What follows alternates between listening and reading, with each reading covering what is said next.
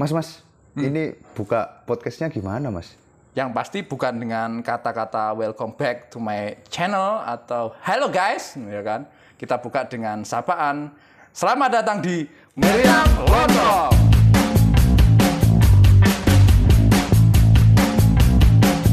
Assalamualaikum, jemaah Arsenalia di seluruh dunia, terutama di Indonesia. Karena podcast ini disiarkan melalui eh, bahasa Indonesia dan sedikit bahasa Jawa. Bersama saya Yoni Prawadayana dan sebelah Rizal saya Adi Pratama. Ha-ha, kita kembali di Meriam Lontong. Lontong. Nah, eh, tambah terasa sudah kita hampir 10 episode ya. Lebih, Mas, ini udah mungkin 11. Oh, mungkin sudah Ini sebelah ya. episode Nah, ke-11. 11. Doakan kami supaya bisa konsisten karena mungkin bagi yang belum tahu bahwa meskipun sudah diupload di Spotify ya ya bukan berarti kita sudah dapat duit dari sana. Ini yang teman-teman saya Mas mengira eh, ketika saya punya podcast itu sudah punya penghasilan dari Spotify. Padahal yang nggak semudah itu ya kan. Hmm, untuk hari ini tema yang ingin kita bahas ya adalah tentang eh, kondisi kestabilan mental, eh, mental kerohanian dari para jemaah Arsenalia atau pendukung Arsenal. Ya, kita akan membedah ini ya kan menggunakan dua aspek ya. Aspek rohani ya. Karena saya ini adalah seorang takmir masjid dan juga Mas Rizal nanti dari aspek Psikologi. Nah, ini menarik ini. Nggak banyak. Saya rasa belum ada eh, podcast atau media sepak bola yang membahas sesuatu itu dari aspek terutama rohani. Heeh. ya kan? Oke. Mas Adi. Mas Rizal Adi ya, maaf ya. Saya itu kok lebih nyaman manggil sampean Mas Adi ya. Enak banget itu loh. Tapi yang denger yang di sana, Mas Adi yang main PS. Heeh. Eh, saya suka Arsenal sejak 2011 dan seperti yang pernah disampaikan oleh Mas Rizal Adi suka sejak tahun 2008 Heeh. mendukung Arsenal. Ya itu sebenarnya belum lama banget Mas ya untuk ukuran sebuah eh, pendukung fanatik atau apa hooligan lah bahasanya. Itu sebenarnya belum belum cukup panjang sebenarnya kita. Jadi kesetiaan itu sebenarnya belum benar-benar teruji kita itu ya. Benar. Tapi memang sebagai orang normal mas ya. Kalau dari saya sih ya eh, melihat yang namanya kita menonton sepak bola itu sebenarnya mendapat hiburan. Dan sebenarnya saya sudah cukup kok mas. Sebenarnya ya Eh, dalam hati yang paling dalam sudah cukup lihat pemain Cukup itu. terhibur lah eh, dengan permainan Arsenal, Mas ya. lihat pemain itu bisa berlarian ke sana kemari ya kan? Sehat iya, sehat, tertawa-tawa. nggak kena kartu merah udah seneng. Tapi ternyata godaan itu malah sebenarnya datang dari pendukung klub lain mas. Kalau saya bahwa ya kalau debat sekalipun kan kita akan selalu kalah karena uh, klub lain akan selalu mengungkit prestasi ya. Ah, ah, prestasi ini juga sebagai penonton yang ingin terhibur ya mendapatkan piala terutama Liga Inggris itu ya eh, kita sebagai pendukung Arsenal pengen banget. Mm-mm. tapi ya jelaslah kita masih puasa dan puasanya nggak tahu ini sampai kapan dengan kinerja di bursa transfer musim dinginnya juga nggak bagus kayaknya kok masih Kita harus bersabar lagi, eh, Mas. prosesnya masih lama seperti itu Mm-mm. dari Mas Rizal sendiri bagaimana Mas eh, terkait dengan eh, Arsenal ini Mas Sampean apakah masih sabar atau bagaimana sih sebenarnya? Oh, Unek-uneknya dikeluarkan aja Mas. Dikeluarkan aja. Ya. Dari 2008 Mas ya, dari Ya, 2008 mendukung Arsenal. Ya, ternyata Arsenal yo hai aja sebagai klub sepak bola. Eh, Nggak pernah juara liga lagi, mentok-mentok FA Cup dan Community Shield. Eh, beda dengan beberapa tim bahkan Leicester aja sempat juara liga. Arsenal ini kok ada masalah apa nih? Kadang kita juga penasaran apa sih permasalahan di dalam tim ini. Ha-ha, nah, eh, itu juga yang tak soroti aku sebagai eh, lulusan S1 psikologi Mas yo. Ketika aku melihat fan Arsenal eh fan base-nya Arsenal itu lek tak lihat kan banyak di Twitter Mas ya. Yang aktif menurutku di Twitter. Iya, di Twitter. Nggak begitu aktif kebanyakan Ah. yes. yang membuli Arsenal yang aktif di Instagram itu. Ya. Makanya saya bergeser eh, saya ingin sehat secara mental jadi saya bergeser dari Instagram ke Twitter. Heeh. Heeh. Lalu saya lihat eh, masih apa jenenge teman-teman Gunners dan jamaah Arsenalia ini eh, kadang itu masih mereka ada yang belum sadar bahwa timnya itu sekarang benar-benar udah beda lah. Katakanlah ketika ika- kita era era, era Wenger kita masih eh, bersaing sebagai calon juara Mas Yo, meskipun Iya. nggak juara-juara cuma calon sa- apa selama satu dekade. Tapi kita setidaknya waktu itu masih memiliki daya saing di Liga Champion. Nah se- semenjak eranya Emery kan kita udah nggak pernah masuk Liga Champion lagi. Artinya kita juga sulit juga untuk menarik pemain. Hmm. nah banyak nih pem- apa apa fan Arsenal itu masih denial, Denial. secara psikologis denial mereka itu masih beranggapan Arsenal ini bisa menarik pemain-pemain besar. Ya, mereka bilang, "Oh, dengan uang segini mending iku mending tarik Ya, Van de Beek. kayak ocehannya. Mending mending tarik apa Frankie De Jong." Eh, permasalahannya kan eh, tidak ada yang tertarik lagi dengan Arsenal. Vlahovic aja yang udah ditawari dengan gaji fantastis aja nggak mau loh Arsenal. Mm-mm. Dia Ya. lebih memilih ke Juventus yang padahal saat ini sama-sama terburuk. Heeh. Heeh. Hmm, saya mengamati beberapa diskusi di grup WA dan juga Twitter, Mas. Dan sepertinya supporter ini sudah lupa bahwa tim kita itu sudah tidak seperti yang dahulu kala, tidak seperti di era-era invisible ya, 2000-an awal gitu ya. Eh, sehingga benar yang dikatakan Mas eh, Mas Rizal bahwa pemain bintang itu sepertinya nggak jadi ke Arsenal itu ya karena faktor reputasi itu ya.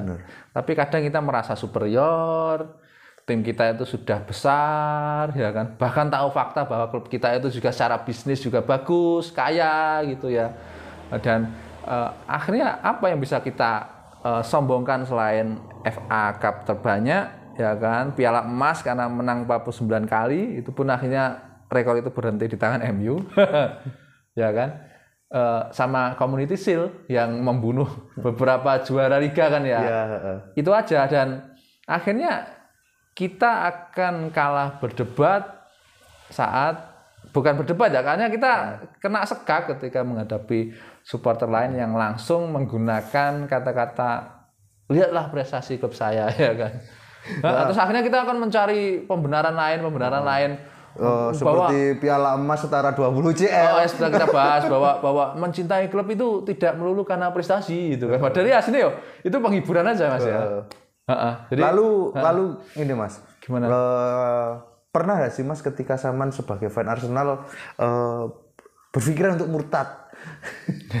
murtad untuk mendukung tim lain karena mungkin mungkin udah lelah. Aku pun pernah Mas.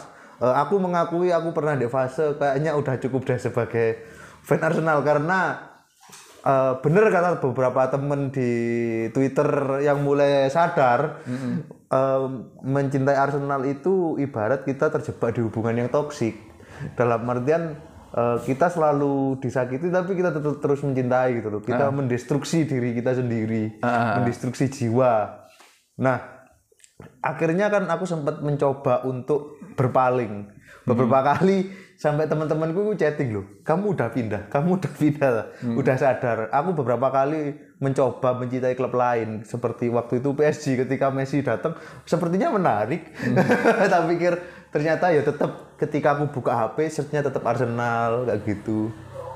Baliklah kita ke Arsenal ke sebuah hubungan yang toksik ini. Lah kalau Mas Yoni sendiri pernahkah sampean eh, membebaskan diri gimana Mas eh, untuk masalah pemurtatan seperti ini kan, saya dulu kan sudah pernah murtad mas. Masa murtad dua kali? saya dulu kan penggemar Juventus ya, dan sudah bosan dengan si nyonya tua ini yang memang nyonya yang, yang namanya nyonya tua ya. Eh, yang saat itu apalagi kena kalsiopoli, kemudian nggak nggak bisa bersaing di Eropa, cuma bisa menang di kandang, muak kan akhirnya aku pindah ke Arsenal. Terus kalau aku pindah lagi kok ngulang lagi dari awal mas. membangun rasa cinta itu bagiku ya butuh waktu lama mas. makanya kalau saya sih gini, ini dari aspek rohani aja ya.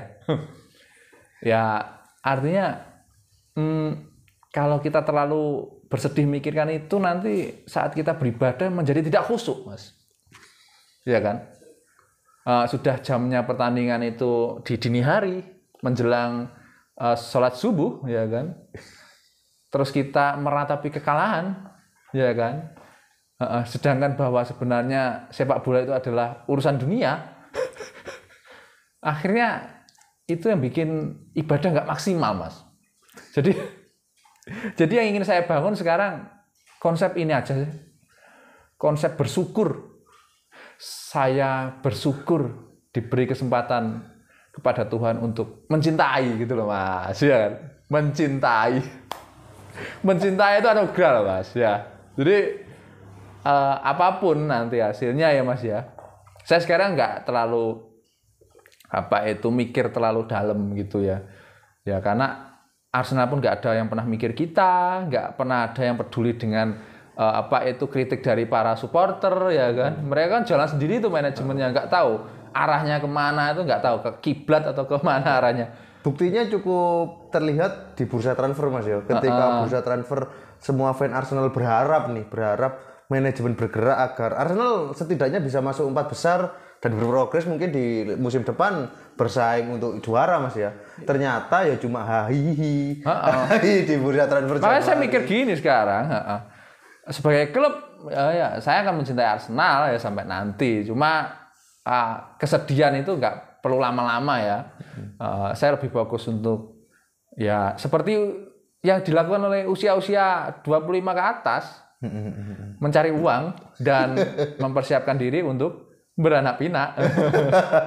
ya kan? Lah kan Arsenal juga gak peduli kita. Makanya kita kita kan harus mem, uh, mempedulikan diri sendiri toh. Kadang kita harus peduli terhadap diri sendiri ya kan. Kadang jadwal pertandingan pun bayangkan jam-jamnya kan mengganggu istirahat.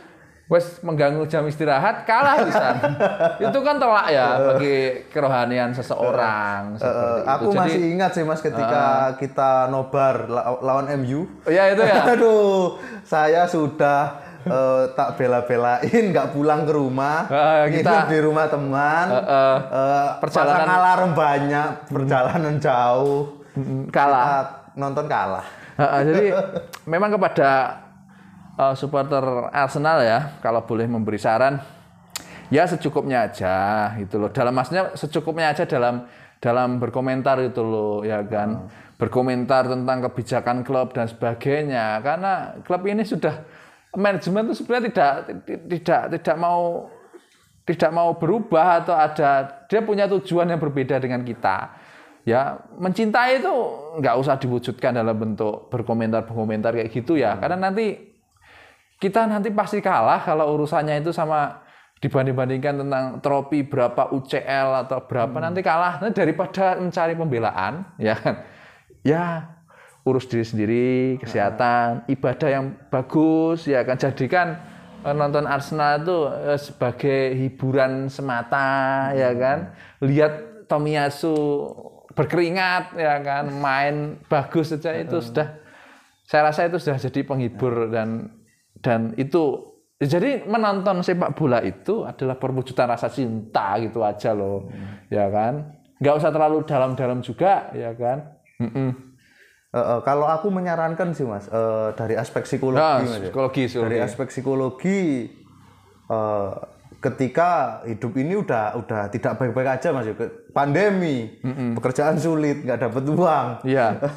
dipecat dan lainnya dan nonton Arsenal tidak lebih baik menghibur diri mas ya ini ini nyata kan ya uh, ini, ini, nyata, ini dialami oleh Mas Riza sendiri gitu loh ini uh, uh. pengalaman nah Uh, saya kemarin itu sempat nonton YouTube-nya Panji Pragiwaksono. Uh -uh. Uh, kalau sebenarnya ini bu, ini sendiri menyadarkan saya sebagai orang apa psikologi sendiri. Uh -uh.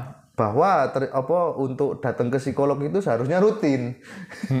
Karena itu mas uh, psikolog pandangannya di masyarakat Indonesia kan mungkin iku ya seolah-olah kita gila mas ya. Yeah, ngapain uh. sih kamu ke psikolog emang kamu gila? Mm padahal enggak mas. Ternyata datang ke psikolog itu uh, disarankan rutin mas setidaknya satu bulan sekali atau dua kali seperti kita datang ke dokter gigi. Tujuannya Nah, katakanlah kalau kita datang ke dokter gigi kan buat dicek, check up, check up dilihat mana sih gigi yang busuk dan mana yang enggak.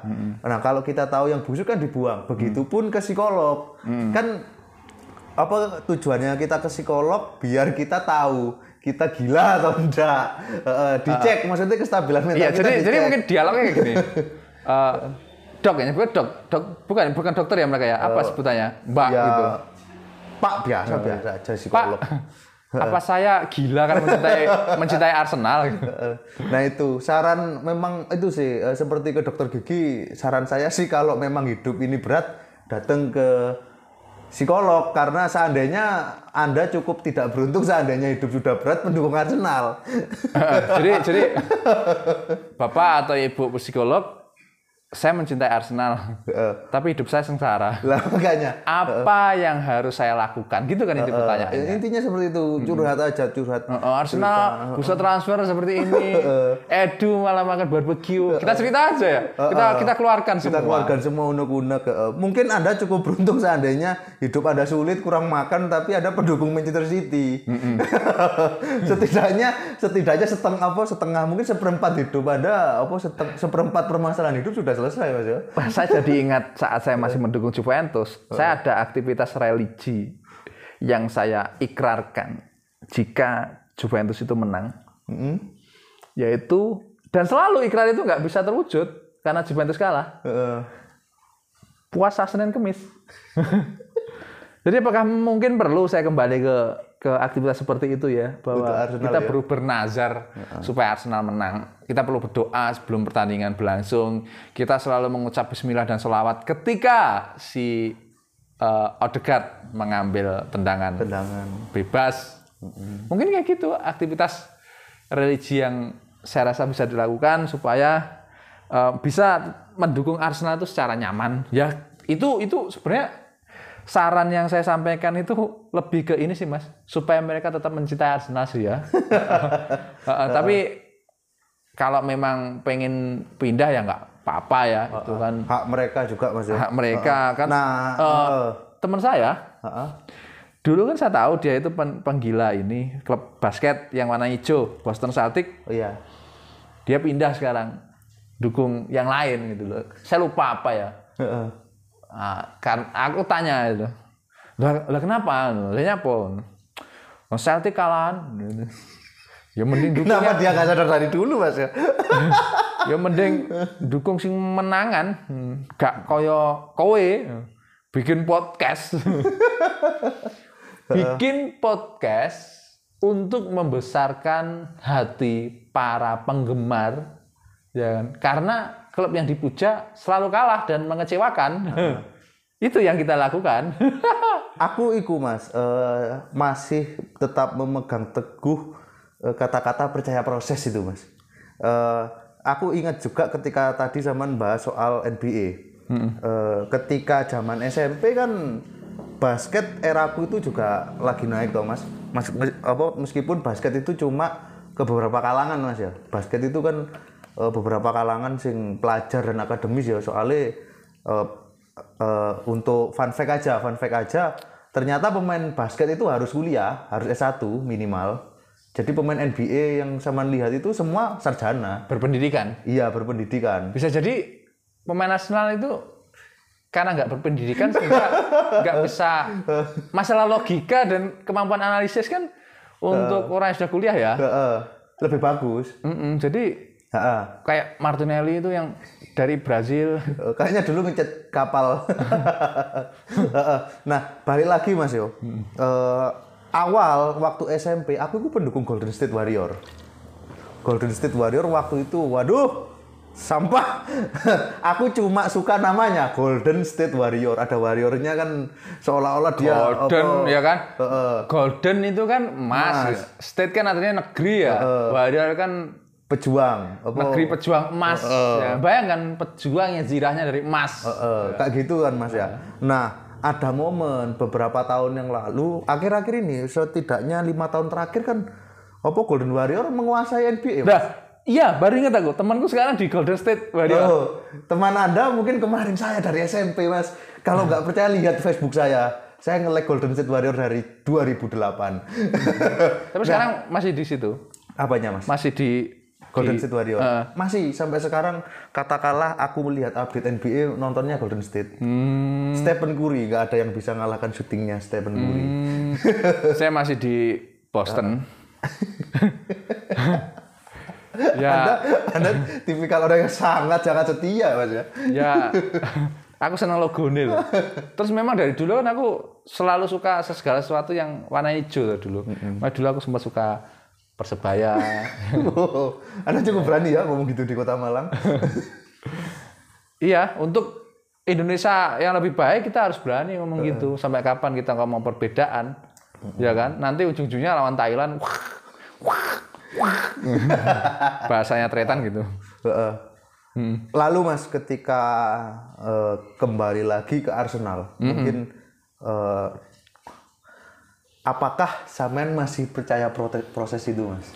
Percaya protes apa proses? proses, proses. Eh, kalau saya sih percaya mas, karena ada hukuman sosial yang kita dapatkan kalau kita berpindah klub pastinya. Ya. Dihina oleh teman dari eh, pecinta klub lain, menerima keberadaan kita itu ya susah lah pastinya mereka ya. Heeh. Iki iki apa jenenge penyintas. Pes, apa penyintas ya kan kabur dari eh, anu murtad. As. Aku malah nggak siap dengan itu. Maksudku gini. Oh, apa itu? Sekarang sih hidup itu ya jangan dihabiskan untuk Arsenal lah ya. Heeh. Ya karena kita di manusia modern ya. Sekarang kita diperbudak dengan uang masalahnya itu. Hidup itu untuk mencari uang masalahnya itu. Iya kan? Benar, Nah, Jadi saya pun sekarang cari hiburan yang lain.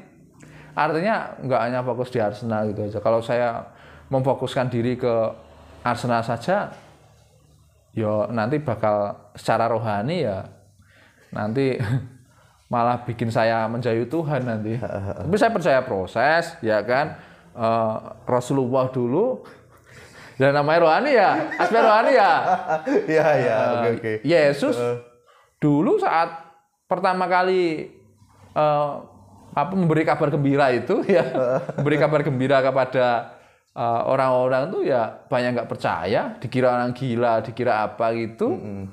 Eh, tapi akhirnya agama-agama itu menjadi besar sekarang ya. Ya, nomor dua di dunia, Mas ya. Eh, eh, jadi jadi percaya proses tapi ini berapa tahun jadi bisa jadi Arsenal baru juara liga lagi 40 tahun lagi.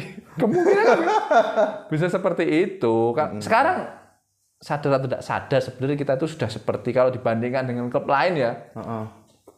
kita kalau di Liga Italia mungkin sudah seperti eh, Fiorentina ya atau bahkan Roma Tapi aku melihat pergerakan-pergerakannya hooligans Arsenal, hooligansnya Arsenal di London Utara, Mas.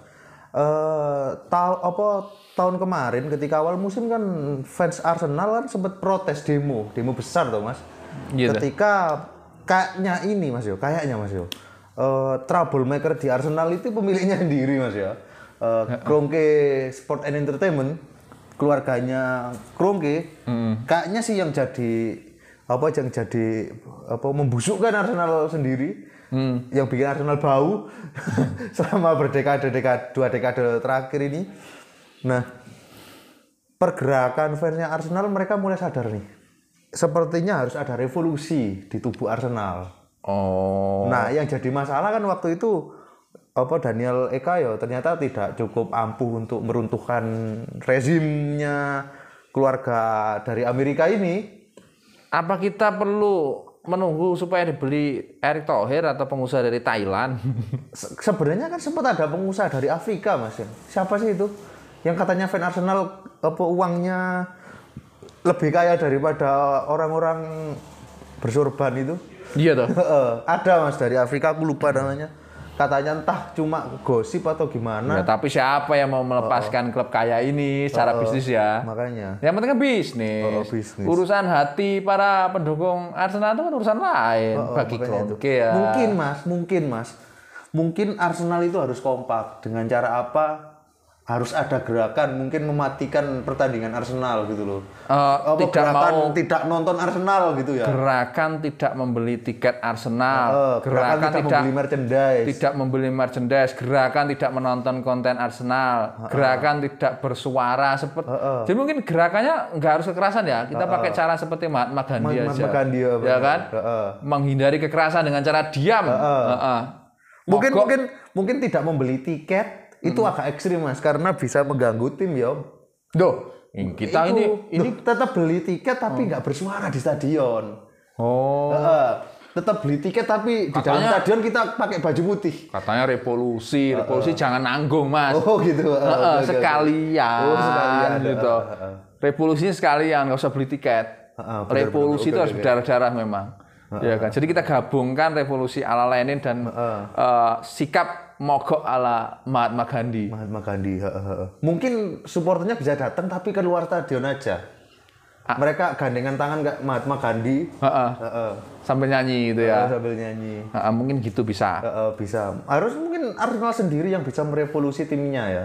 Apa Gunner sendiri? Kita itu kalau di Liga Spanyol mungkin seperti Valencia. Heeh. Hmm, ya kan? Ya. Heeh, mung- kalau di Liga Jerman kita itu mungkin seperti Dortmund nggak sih mas? enggak no Schalke lah.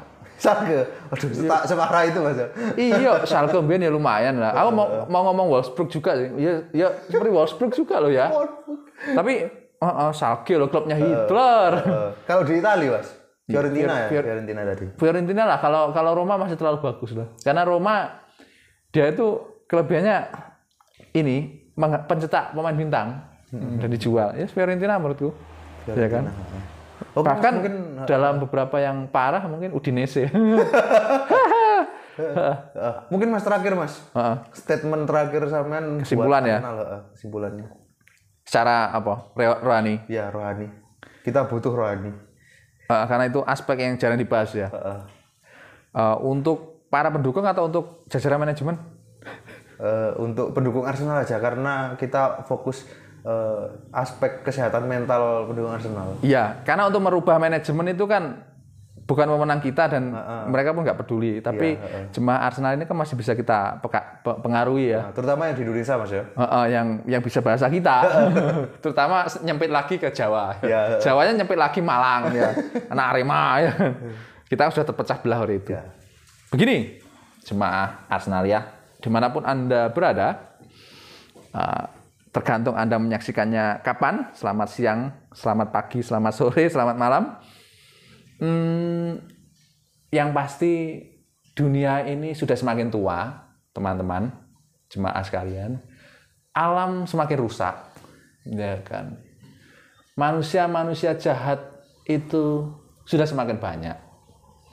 Uh, oleh karena itu, sudah saatnya kita semua kembali kepada Tuhan. Kita masuki rumah-rumah Tuhan, ya kan. Dan dukunglah Arsenal ya kan? Doakan Arsenal ya kan? Supaya uh, prestasinya bisa meningkat ya. Saya rasa saya masih berharap banget uh, para jemaah ini tidak perlu murtad. Karena berpindah uh, untuk memuja klub lain itu nanti ada sanksi sosial yang sangat berat ya kan ada konsekuensi yang berat ya jadi fokus saja beribadah, mendoakan Arsenal melalui rumah Tuhan, ya kan? Dan kadang juga nggak hanya urusan akhirat aja, dan bekerjalah untuk urusan duniamu, ya kan? Sehingga kamu bisa membeli hiburan lain selain nonton Arsenal. Kalau Mas Rizal gimana? Simple sih. Hah? Eh, satu-satunya saran saya untuk lepas dari belenggu eh, Arsenal yang sedikit toksik Heeh. dengan menonton podcast Meriam Lontong.